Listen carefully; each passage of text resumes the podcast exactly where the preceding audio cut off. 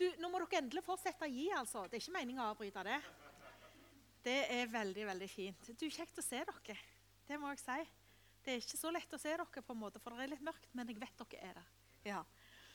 Så jeg står her oppe, da, for nå har jeg nådd en sånn alder at jeg må ha litt lys for å se notatene mine. Kan tro om jeg har fortalt dere om da jeg var på Finnøy og fant ut at nå, nå går det skeis. Nei, det har jeg tydeligvis ikke. Gamle Betel bedehus, sant? steinbedehus på Finnøy. Aha, var du der, Line Marie? Line Marie husker det. Der jeg plutselig fant ut at å herlighet, her er det jo ikke godt nok lys. Jeg hadde vel aldri hatt problemer med det før i mitt liv. Men etter det så har jeg vært nøye med å skrive ned alle bibelvers òg, og ikke bare stole på at jeg skal kunne lese det i Bibelen min. Så gale er det. Men jeg leser altså Bibelen, bare sånn i tilfelle dere lurte. OK, folkens. Um, de aller fleste her tror jeg jeg har truffet før. Men det er kanskje noen som jeg ikke har truffet før, så da skal jeg bare si kort hvem jeg er. Heter altså Mariann Nygaard, bor på Sandnes. Er gift med Thomas som sitter der. Nå er det du vinker, Thomas. Ja. Eh, vi har vært gift i 32 år. Ja, så han har lært det med vinkingen. Ja, han har det. Nailed it. Ja. Eh, og så har vi fire barn. Vi har én hjemmemekka og tre fosterbarn som har bodd hos oss i en 20 års tid. Ja, veldig kjekt. Våre barn, alle sammen. Eh, og så er det sånn at Vanligvis underviser jeg på Akta i min kirkens bibelskole. Noen av dere har kanskje truffet der, eller på Impuls, eller på en eller annen sånn åpen himmel-konferanse. eller sånn. Ehm, men akkurat dette året, dette skoleåret så er jeg permittert. Og det er fordi at det var ikke eh, nok folk som søkte seg inn til min linje, profeti. Og sånt varierer jo litt fra år til år. Eh, men denne gangen var det altså min linje som ikke hadde nok studenter. Så da gjør jeg litt forskjellig i mellomtida og en av de tingene som jeg gjør, det er jo faktisk at jeg har en del kurs. For jeg prøver å holde utkikk da. OK, Gud. Hva har du for meg i denne sesongen? Hvordan ser det ut nå? Hvordan forvalter jeg nå det som du har gitt meg? Så eh, En del av det som jeg gjør, er altså kurs. Og jeg har nettopp hatt et kurs om gode grenser, hvordan lever med gode grenser i livet. Og så skal jeg ha et kurs om å høre Gud. Og dere er hjertelig velkommen til å hive dere på. altså. Da kan dere enten bare søke på nettet, eller så kan dere ta og skanne den koden som står der. Men nettopp fordi at jeg vet at det er ikke alle som kjenner meg, så skal jeg bare si helt, helt kort noe som vi har opplevd i vår familie. Jeg skal ikke bruke lang tid på det, men det legger likevel noen føringer på det jeg skal snakke om videre. Og da er det sånn at eh, for 23 år siden Det er så fint vet du, å ha et barn som er født i år 2000, så du har sjanse om å vite hvor gammel han er. Det Alle burde ha det. og hvis, For noen av dere så har det toget gått. Stakkars deg. Men det er veldig greit for meg. Så eh, Adrian, minstemann, han ble da altså født i år 2000. Og det så ut til å gå kjempegreit helt til han begynte å få noe annet enn bare morsmelk. Da gikk det ikke så greit lenger. For det viste seg at det var en del ting som var i veien for han. Og han kunne bl.a. ikke fordøye mat. Så han fikk intravenøs ernæring, altså ikke sondenæring, men rett i blodbanen. Og så hadde han muskelsvinn, sånn at musklene hans ble bare svakere, og så forsvant de helt. Så hadde han epilepsi. Eh, tikka gikk både natt og dag. Han hadde hjerteflimmer. Eh, og han hadde altså immunsvikt, som da ville si at han kunne gå fra å være helt, helt vanlig og lege og ha det helt kjekt, til å ha 41 i feber på 15 minutter. Det er veldig dramatisk. Det er kjempefarlig. Når noen får så høy feber på så kort tid, så er det kjempedramatisk. Og vi ba jo for han hele den tida. Vi ba jo om at Gud skulle helbrede han. Og, og det var òg andre folk som ba for han. Det var ikke bare oss, men vi ba òg for andre folk. Og de ble flere ganger helbreda, men altså ikke vår sønn. Og så er det en del av dere som vet det at da Adrian var tolv år, da var vi ute på reise, og da ble han bedt for. Men den gangen ble han faktisk momentant helbreda. Og han ble frisk fra absolutt alt. Han kunne spise alt det han bare ville, og det gjorde han til gangs. Det var sånn at Etter to dager så måtte vi innføre noe som heter måltider. Plutselig så begynte musklene hans å vokse så til de grader fort at vi kunne merke det fra dag til dag. Det syntes vi var så sprøtt at vi torde ikke si det til noen. Men etter fem dager så hoppet han ut av rullestolen så sprang han etter duene, sånn som småbarn gjør. For det hadde han aldri kunnet. Neste gang han fikk en liten forkjølelse, så ble han ikke spesielt syk i det hele tatt. Konkrete, konkrete resultater av det å bli fullstendig helbreda. Han trengte ikke lenger en travenøs ernæring. Han trengte ikke lenger noen av de medisinene som han sto på. For verken epilepsi eller noe som helst. Han ble fullstendig helbreda. Og så har altså Adrian i ettertid blitt utreda og forska på. Over mange år. Han var fast eh, på barneavdelingen fram til han ble 18 år, altså seks år etter han ble helbreda. Bare for at de skulle undersøke og sjekke. Jo, han er fortsatt helbreda. Og nå De siste tre, tre og et halvt år har han blitt forska på. Det er skrevet en, en rapport på han som, skal, eh, altså som er av internasjonale forskere, som skal publiseres i et medisinsk tidsskrift. Så etter hvert som det blir klart, så får jeg heller komme tilbake og si ifra da. Men greia er jo at det er ingen medisinsk forklaring på hvorfor Adrian ble frisk. Det er det kun Gud som kunne gjøre. Og det var altså sånn at noe skifta i meg da Adrian ble helbreda. For jeg skjønte at Gud ville helbrede. Jeg skjønte òg at han regjerer over mine umulige situasjoner. Og jeg skjønte at hvis jeg skal bli kjent med den Gud som regjerer over det umulige, ja, så kan det være at jeg må gå gjennom noen vanskelige og umulige situasjoner av og til. Det liker jeg ikke, i tilfelle noen lurte på det. Jeg liker ikke det i det hele tatt. Jeg liker ikke å stå i situasjoner som jeg sjøl ikke kan rå over. Og jeg, liker strengt tatt ikke å stå overens med andre eller overfor andre sine umulige situasjoner heller. Hvorfor? Fordi det minner meg om min egen avmakt. Jeg vil så gjerne hjelpe og gjøre det godt igjen og så kan jeg ikke. Men jeg elsker å se Gud bryte igjennom der så det ikke fins noe. Han kommer med håp, da. Der det ikke er det i det hele tatt. Og han kommer med, med lys der det er mørkt. Og helbredelse der det er sykdom. Og han vender håpløshet til forventning og inderlig takknemlighet. Og Derfor så setter jeg meg sjøl stadig i disse her situasjonene hvor jeg kommer til kort. Jeg oppsøker situasjoner der jeg føler meg liten og avmektig. Fordi at jeg har erfart at da kommer Gud veldig nær. Og Dette er jo da altså den nærmeste ekstremsporten jeg kommer, så jeg håper dere verdsetter det.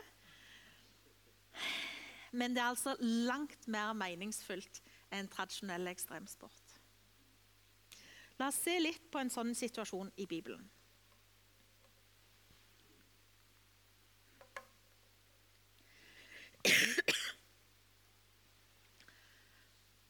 Jeg forteller, jeg forteller, historien sånn den står beskrevet i The Passion Translation. Og så kan dere følge med i den norske utgaven av Bibelen. Ok. Noen dager seinere kom Jesus tilbake til Kapernaum. Nyheten spredde seg som ild i tørt gress. Alle visste at han var der.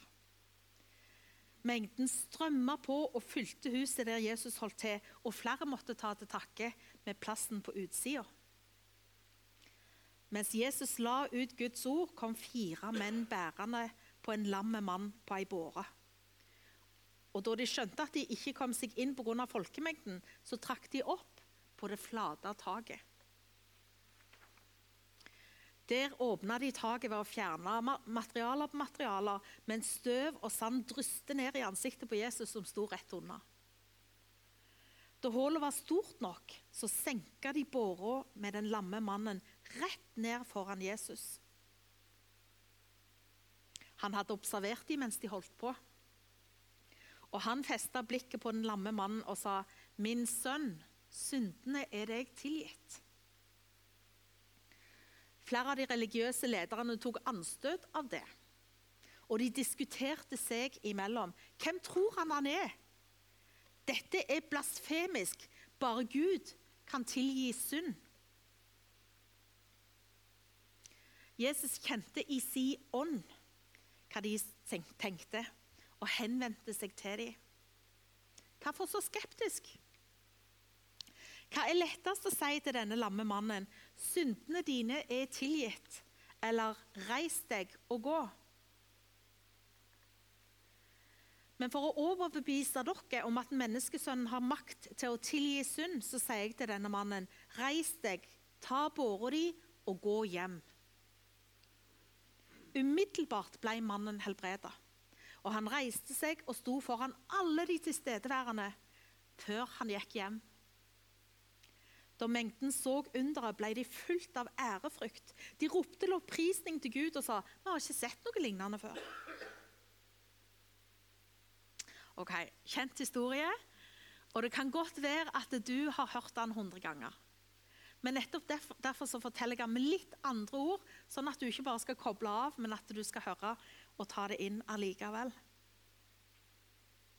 Og det er et par ting som jeg vil stoppe opp ved i dag. For denne lamme mannen han kom ikke til Jesus sjøl. Det var han ikke i stand til. Tror man ville komme. Så han sitt behov for helbredelse? Det er ikke godt å si. Det er vennene som bringer han fram for Jesus. Litt sånn som en forelder kan gjøre. Eller en lærer, en kollega eller en venn. Om han ikke lengta etter å bli helbreda før, så gjør han det iallfall i møte med Jesus. For det er altså sånn at ingen forblir uforandra i møte med Jesus. Hele vår forståelse av hvem han er, og hvem vi er, utfordres. Jesus fester altså blikket på ham, og så sier han at han er tilgitt. Hvorfor gjør han det? Fordi at det er det som er mannen sitt dypeste behov. Han trenger å møte Jesus og få syndene sine tilgitt. Kun da har han evig liv. Men òg fordi at han ved å få syndene sine tilgitt har adgang til Gud og hans rike. Og I denne sammenhengen her så bruker Jesus disse ordene for å si at mannen er helbreda. Og så blir den mannen like fullt liggende igjen på båra. Det er så interessant. Hvorfor gjør han det? Er han ikke helbreda? Og Fokuset blir altså værende på de som tar anstøt. De som blir fornærma. De som mener at Jesus ikke brukte de rette ordene. Ikke de som de ville ha brukt. De som mener at Jesus tar munnen for full, og at han utgir seg for å være mer enn det han er. Hvem tror han at han er egentlig? Guds sønn, eller? Men ingen av de sier det til Jesus. De snakker kun seg imellom. For det er gjerne sånn med de som tar anstøt. De konfronterer sjelden direkte men de nøyer seg med å kritisere og fordømme. Gjerne med det resultatet at fokuset blir på de i stedet for på det som Gud gjør. Men Jesus vet du, han lar seg ikke vippe av pinnen. For han møter de der de er, og bruker tydelige ord for å beskrive det som han allerede har sagt. Reis deg, plukk opp båra di for den trenger du ikke. Du er klar til å gå hjem. Og da reiser mannen seg opp. Hadde han ikke skjønt da hva Jesus hadde gjort? Hadde han vært redd for å bli fordømt av de skriftlærde? ble han også opphengt i den teologiske debatten at han gikk glipp av det Jesus gjorde?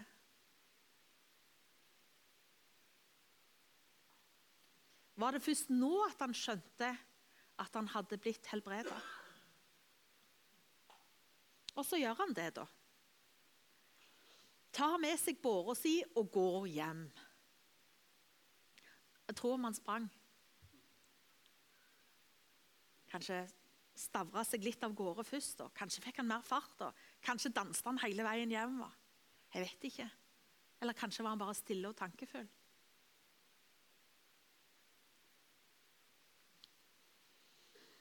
Forsamlingen de går til gjengjeld aldeles bananas.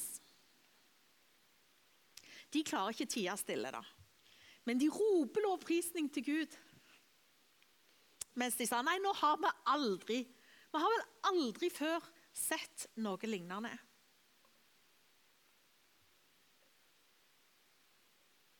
Se. Setter du den i gang?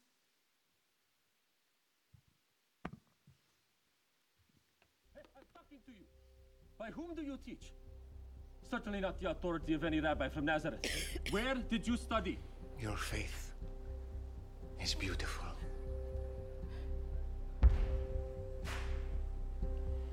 Son, take heart.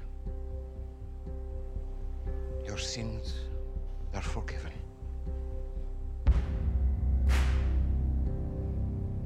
Who is this who speaks blasphemies? Who can forgive sins but God alone? Right. But I ask you, which is easier to say? Your sins are forgiven or rise up and walk. It's easy to say anything, no? But to show you, and so that you may know that the Son of Man has the authority on earth to forgive sins.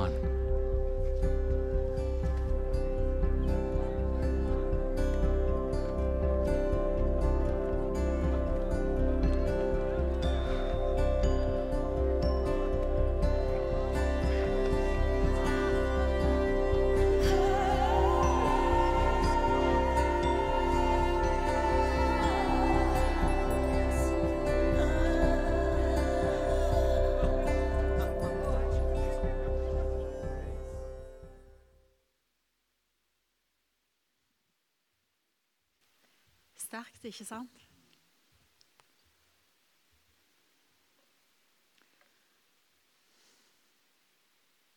Tro hva som skjedde videre i livet til denne mannen som hadde blitt helbreda.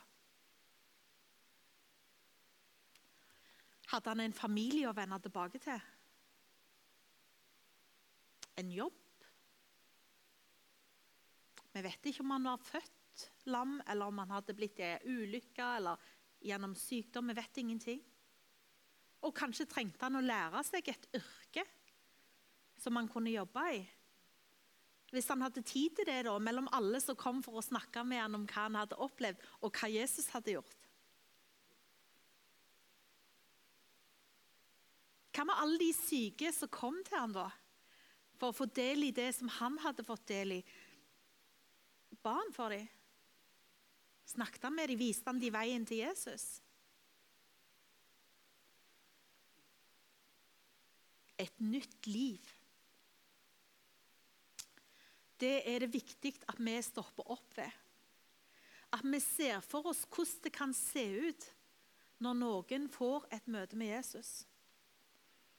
For det er det som motiverer oss til å forsere hindringene og åpne taket.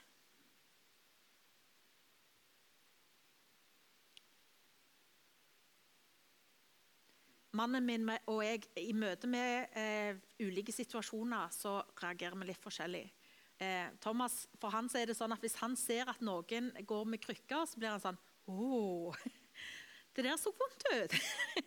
og så begynner han å snakke med dem, og så vil han be for dem. Mens jeg venter på at folk oppsøker meg, for jeg syns det er litt skummelt. Og Det blir veldig synlig når vi har vært for på sånn alternativmesser. Der vi skal være og be for syke. Og Thomas han er jo helt ifra seg av begeistring. Mens jeg står innerst i et hjørne med den sjokoladeskåla som jeg hører til å dele ut av. For jeg blir akutt sjenert. Jeg tenker det er slett ikke sikkert at de har lyst til å snakke med meg. Jeg må bare vente til de kommer til meg. Da kan jeg være med. Mens han har jo ingen sånne hindringer i det hele tatt. Absolutt ingen sperrer, på en måte. Så i mer enn ti år så har min bønn vært at lengselen må være større enn ubehaget.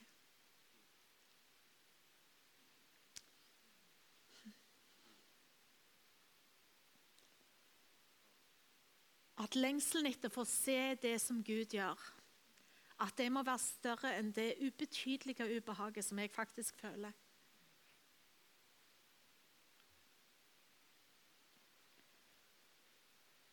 Og så setter jeg meg da i disse situasjonene som jeg ikke kan kontrollere. Og det er ikke sånne fine bønner da, som kommer da. Det er ikke sånn nå bare framfører jeg de, Det er mer sånn Hjelp, Jesus! Nå må du bare Jesus. For både jeg og du vet at jeg kan ikke helbrede noen. Men du kan. La det bare være mer av deg, Jesus. La meg avta, sånn at du kan vokse fram og bli mer og mer synlig i mitt liv. Fordi at det høres bort mot bibelsk ut.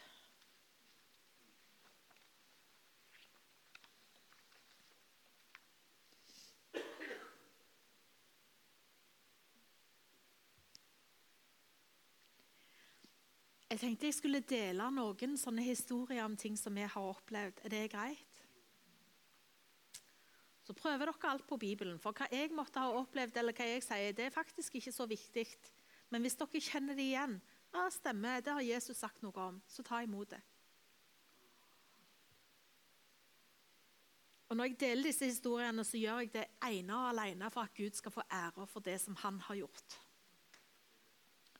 og for at du skal bli minnet på hva Gud kan gjøre i ditt liv. Dette er jo ei kirke. Da må dere jo ha Kleenex en eller annen plass, mener jeg. Eller en serviett eller noe. Kan jeg få en? Hvis ikke så må vi ha en samtale om dette, at det ikke er Kleenex.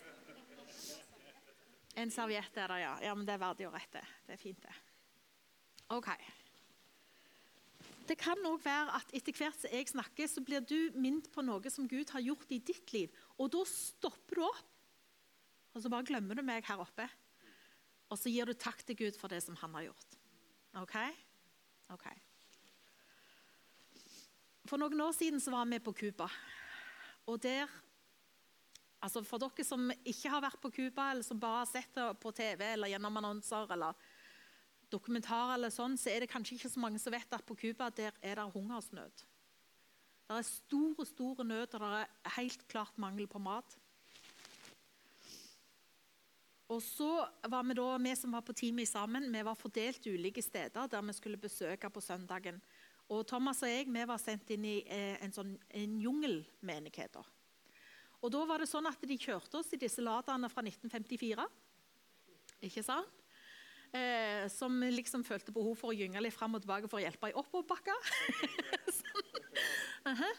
eh, og så kjørte vi så langt som det var asfalt. Eller asfalt. Noe som ligna på asfalt. Ja. Og så etter hvert så ble det grusvei, og da ville han ikke risikere bilen lenger, så da gikk vi. Helt til vi kom til en port. Og Så åpna de opp denne porten, og der var det bare grønt innenfor. Og da var det sånn at ban Bananbladene lå over veien, liksom. så du måtte liksom presse deg litt fram. Og det var høner som hoppet over stien, og, og kaniner kom etter hvert. Og, og, så kom vi til en lysning, og der var det ei kirke. Vil si kirka. Det var altså en, hva skal jeg si, det var et gulv, et slags gulv. Det var et slags tak, og det var fire søyler. Og det var kirka. Og der skulle vi være. Og den dagen vi kom, da var det morsdag. Og det er ei stor greie på Cuba. Der feirer de helt mye mer enn de feirer bursdager, for å si det sånn. Du feirer morsdag. Eh, så da var det faktisk mat. De hadde lagd mat. Husker dere at jeg sa det var hungersnød? Så folk liksom, Du hørte lyden av magen til folk når de satt og venta. Og det skulle være middag, og det var til og med en sånn type kake til dessert. Det var skikkelig god stemning, altså. Og Pastoren talte, og så sa hun ja, i dag er det morsdag, og vi skal feire. Og det er mat til alle, alle får litt mat, og det er en liten dessert til og med. Og det var iallfall uhørt. ikke sant vel?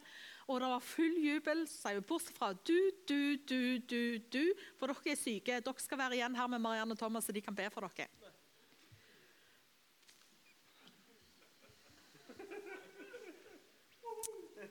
Stemningen var på topp, kan du si. sånn. Og vi var litt sånn Og så forsvant alle ut, og vi var igjen med de som så på oss med sultne blikk, for å si det rett ut. Altså, her var det bare 'keeping it real'. Og så kom de med ei, da. Ei, ei eldre dame. Egentlig gammel dame, får jeg si, uten å fornærme noen. Eh, og hun, når de snakket med henne, så gikk de liksom helt opp til ansiktet hennes sa de, 'Mor!' ikke sant? Beklager hvis jeg ødela lyden. Men de brølte rett i ansiktet på henne, og da kunne hun høre så vidt lite grann. Så hun var juridisk døv, men hun hadde så vidt antydning til litt hørsel. Og de sto altså og brølte i ansiktet hennes for liksom Nå er det to som skal be for deg! Ikke sant? Høyt og tydelig. Ikke sant? OK, OK, hun hørte på dette. Og så tenkte vi ok, spurte om vi kunne legge hendene på ørene hennes. Det fikk vi. Og så ba vi for henne. Og så når vi slapp opp, så stilte vi henne et spørsmål. Så skjønte vi jo kjapt at denne dama har vært døve lenge. sånn at Hun har jo lært seg et par ting. Hun har jo lært seg å bare gjenta de samme svarene. For eksempel. hun har òg lært seg å lese på lippene. Så etter hvert så var vi nøye med at vi stilte forskjellige spørsmål. altså Vi ba flere ganger. For jeg mener, kunne Jesus be flere ganger, så kan iallfall vi. For oss å tenke. Så vi stilte ulike spørsmål. Hvor mange barn har du? Og etter hvert så holdt vi hånda foran munnen. Hva heter barnebarna dine? Og hun svarte. Og for hver gang så svarte hun altså, Vi brølte i starten. Neste gang så snakket vi litt roligere. Gangen etterpå der igjen så snakket vi enda roligere. Vi endte opp med å be for henne fem ganger. Og på slutten så sto vi og kviskra med hånda foran munnen. Og hun hørte oss fullstendig. Og hun skjønte ikke at noe hadde endra seg. Men de som sto rundt, de skjønte det jo. For der var det plutselig slutt på å brøle til henne. Men jeg tenkte litt på det når jeg leste denne historien her, med han som ikke skjønte at han var blitt helbreda. Det gjorde ikke hun heller.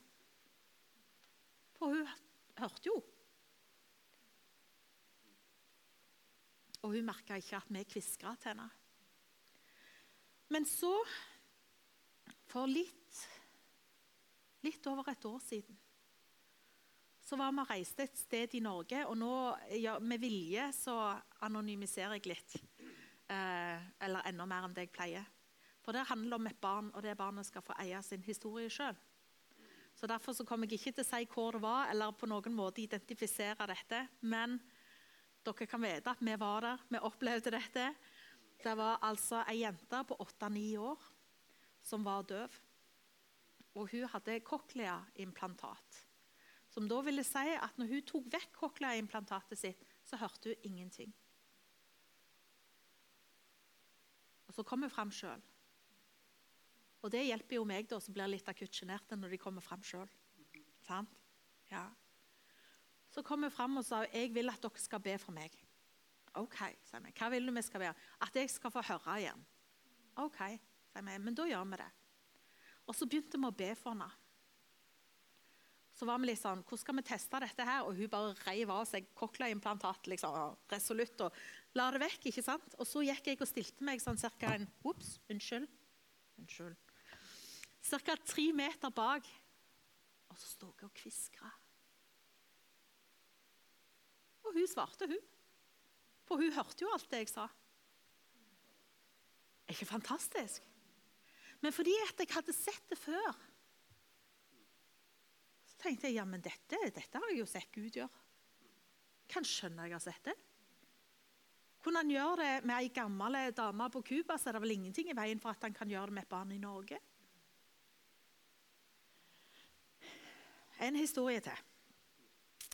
Vi var eh, på Hawaii for et års tid siden og underviste eh, leger og sykepleiere som skulle ut i misjon. Og Her skulle vi snakke om overnaturlige helbredelser. Og Det var egentlig ganske kult. da. Fordi at De var stort sett vant med det de kunne fikse sjøl. Ikke sant? Men samtidig Skal vi se bare et øyeblikk.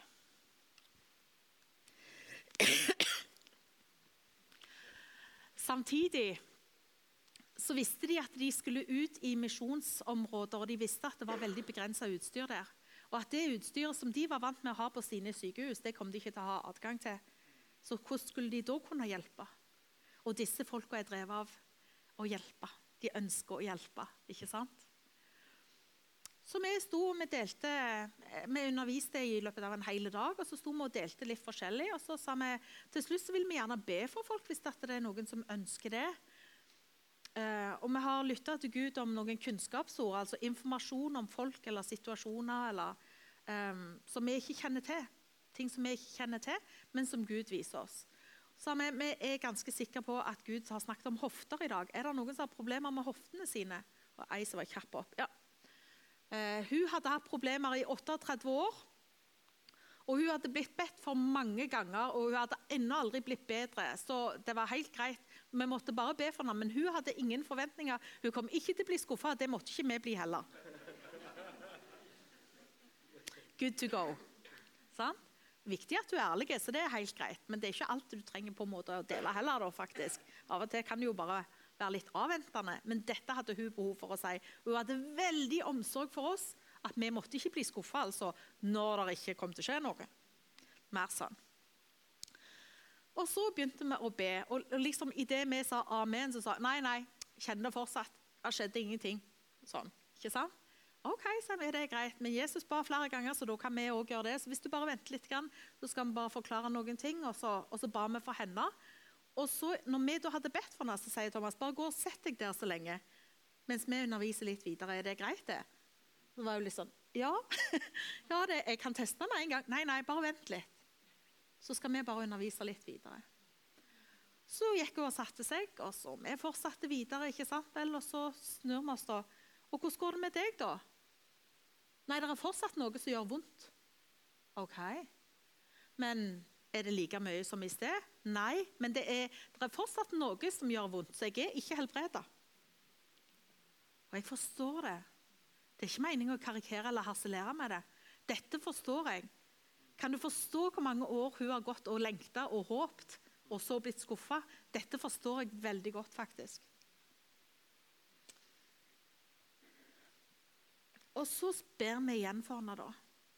Og spør om hun kan sitte og vente litt mens vi går videre i undervisningen.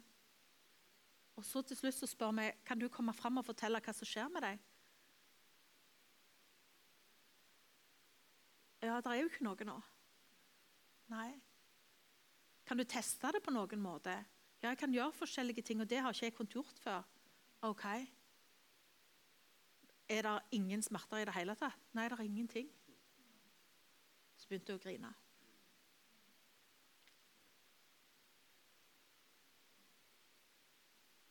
nesten vanskelig å forstå. Du må liksom se bevegelsen i tærne før du tør å tro at det har skjedd med deg. ikke sant? Sånn som vi så på filmen. Og så var det ei, dame da, på nesten 80 år som kom fram, og hun var sur. faktisk. Hun var skikkelig irritert. Så sier hun det. Jeg òg retter opp hånda på det kunnskapsordet om hofter, men dere valgte henne. Og hun kokte liksom sånn. Mm. Så fikk vi bedt for henne òg, og så ble hun helbreda. Så sa jeg forresten så har jeg vondt i knærne òg, kan dere ta de òg? Bare sånn siden vi er i gang, liksom. Er det greit?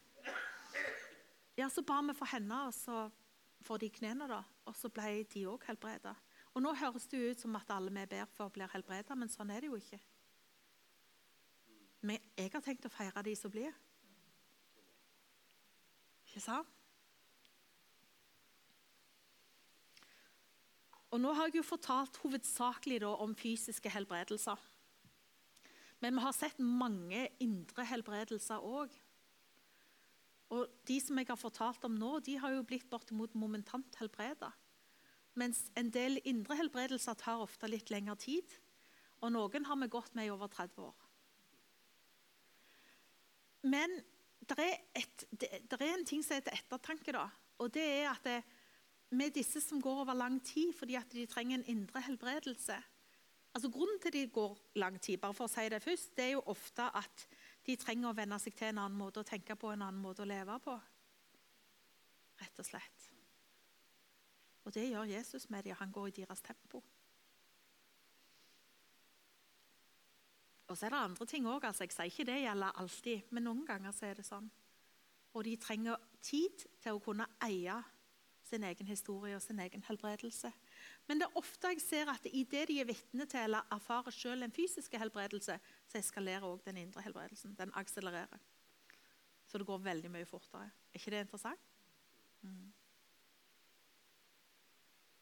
Så hvis du er her, så venter på din helbredelse, enten det er fysisk eller det er en indre helbredelse for ting du har opplevd eller ting som har blitt vanskelig i livet, så ta imot forbønn for det. La oss få være med og gå sammen med deg. Det vil vi svært gjerne. Og de som har kommet her, de har kommet for å møte Jesus. Og det er det ikke sikkert at alle vet. For det kan være at noen har blitt invitert med eller blitt dratt med av noen. Men det er ikke tilfeldig at du er her. Du er her fordi du trenger et møte med Jesus. Og alle er vi her for å få et glimt av himmel. For å finne en mening i livet og et håp for framtida. Og sånn er det med de som du jobber sammen med òg, eller går på skole sammen med. Eller kanskje er du oppmann på gutt sju år. Mer eller mindre frivillig. De trenger et møte med Jesus. De som er på treningssenteret ditt eller på fritidsaktiviteten din, de trenger et møte med Jesus. i sandkassen eller i kaffekroken. Nå kommer det jo kaffekrok til meg. Der vil dere møte folk som trenger håp for livet sitt. Og det håpet er det altså dere som gir dem. Dere er fasilitatorene. De som modellerer Jesus. De som åpner døra for et møte med Gud. Dere er de som ber for naboene. Og de folka som de møter.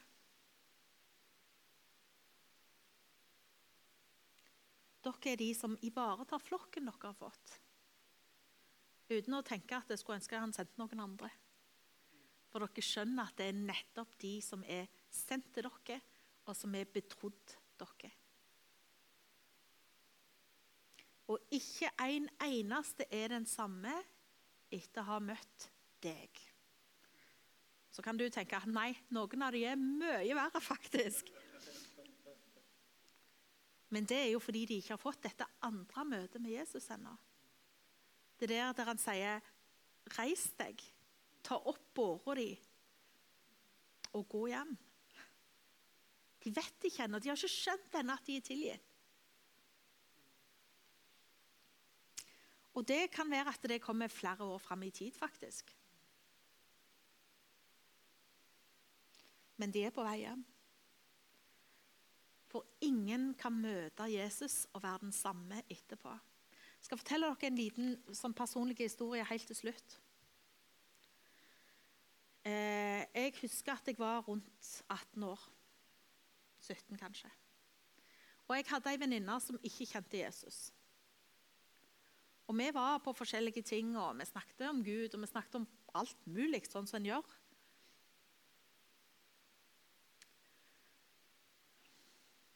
Og En kveld så bestemte hun seg for å ta imot Jesus. Og jeg syntes det var helt fantastisk.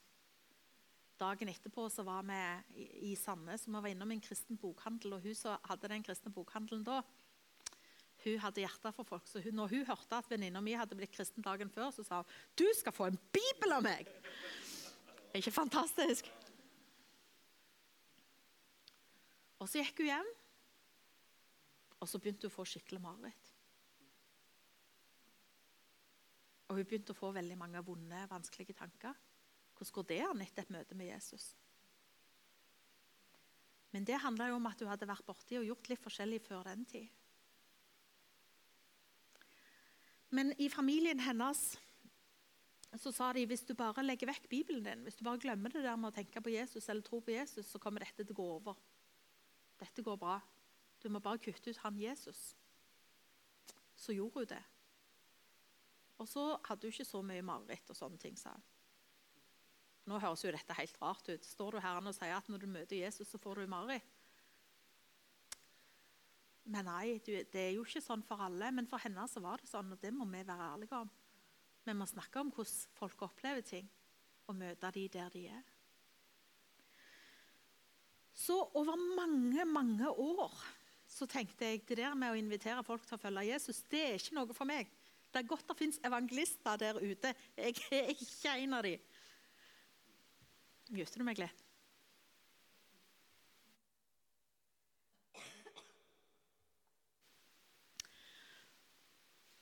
Og jeg tenkte det der, altså. Og hvis jeg kom i situasjoner der jeg skulle liksom dele evangeliet med noen, så tenkte jeg å stakkars de som traff meg. Jeg har jo ikke en spesiell utrustning i dette. Den ene som tok imot Jesus, den, den falt jo fra innen veldig veldig kort tid. Dette her er jo slett ikke vellykka. Jeg må se om jeg finner noen andre til de, faktisk. Og Etter hvert så tenkte jeg ikke så mye på det. Jeg, jeg glemte litt av. Men jeg merka jo at jeg hadde en sånn frykt i meg. Akkurat så jeg, jeg stålsatte meg fordi at jeg forventa å bli avvist. Og så en kveld for noen år siden Hvor lenge kan det være siden? kan det være? Jeg hadde iallfall tenkt sånn i 20-25 år. Så tikker det inn en tekstmelding fra en person som jeg ikke hadde hatt kontakt med på iallfall 20 år. Som, og det var hun, da.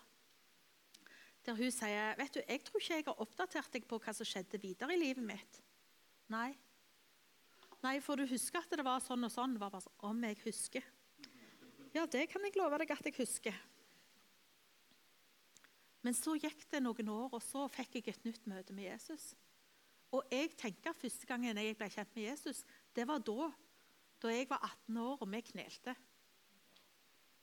Og så rota de litt til, eller det skjedde forskjellige ting som gjorde det vanskelig for meg å tro etterpå. Men da visste jeg òg hvor jeg skulle gå tilbake igjen, for jeg visste hvem som var god. Så tenker jeg herlighet. Alle de åra der jeg hadde fordømt meg sjøl på det groveste. Alle de åra der jeg hadde lytta til en annen kilde enn han som talte godt og sant og rett. Alle de åra der jeg hadde tatt på meg en selvfordømmelse som det ikke var grunnlag for engang. Det går piller meg ikke an.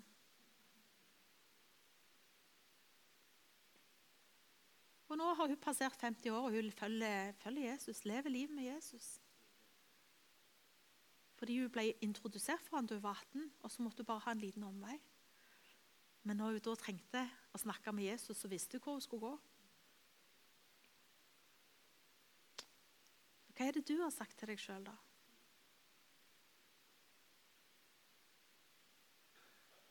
Jeg må bare si at Etter det så har jeg ikke tall på hvor mange jeg har ledet til Jesus. For det handler ikke om meg i det hele tatt. Det er liksom bare å åpne døra. Folk er så klar. De er så klar til å møte Han som gir håp i livet. Som gir håp for morgendagen, som gir lys over veien. Som taler inn det som er sant, godt og rett. Jeg tror vi skal stoppe her, og så skal vi bare be litt.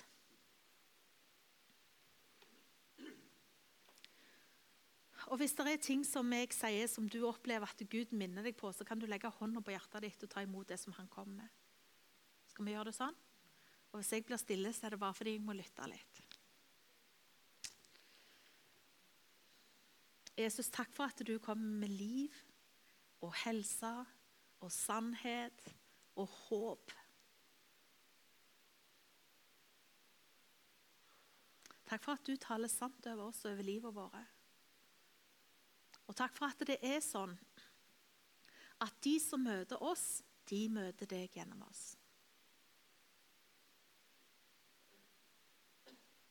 Takk for at du øser ut av hvem du er, gjennom oss. Til, til beste for nabolaget vårt, til beste for kollegaene våre, for skolevennene våre. For de på helsestasjonen eller på biblioteket eller hvor det er. De som jeg tar bussen sammen med. Takk for at de skal få et glimt av himmel gjennom mitt liv og gjennom livet til hver en av de som sitter her.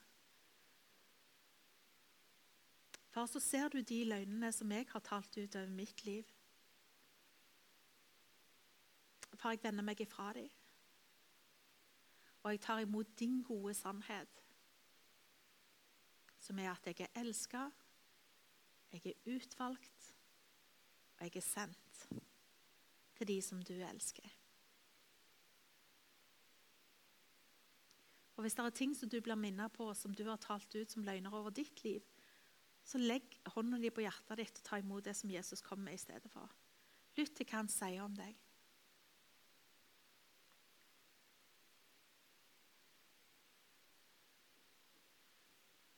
Far, takk for at ingen av oss er uforandra etter et møte med deg.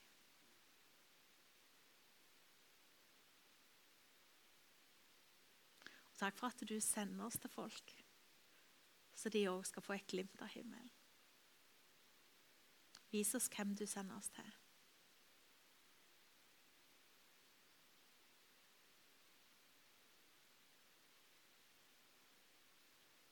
Jesus, vi er så takknemlige for å være med på det som du gjør. Takk for at vi får leve spennende, meningsfylte liv med deg i sentrum. Og takk for at det ikke bare er på dager så jeg våkner opp og føler meg supermodig eller har litt redusert impulskontroll, men det er hver eneste dag. Uavhengig av dagsformen. Far, jeg ber om at lengselen skal være større enn ubehag. I Jesu navn. Amen.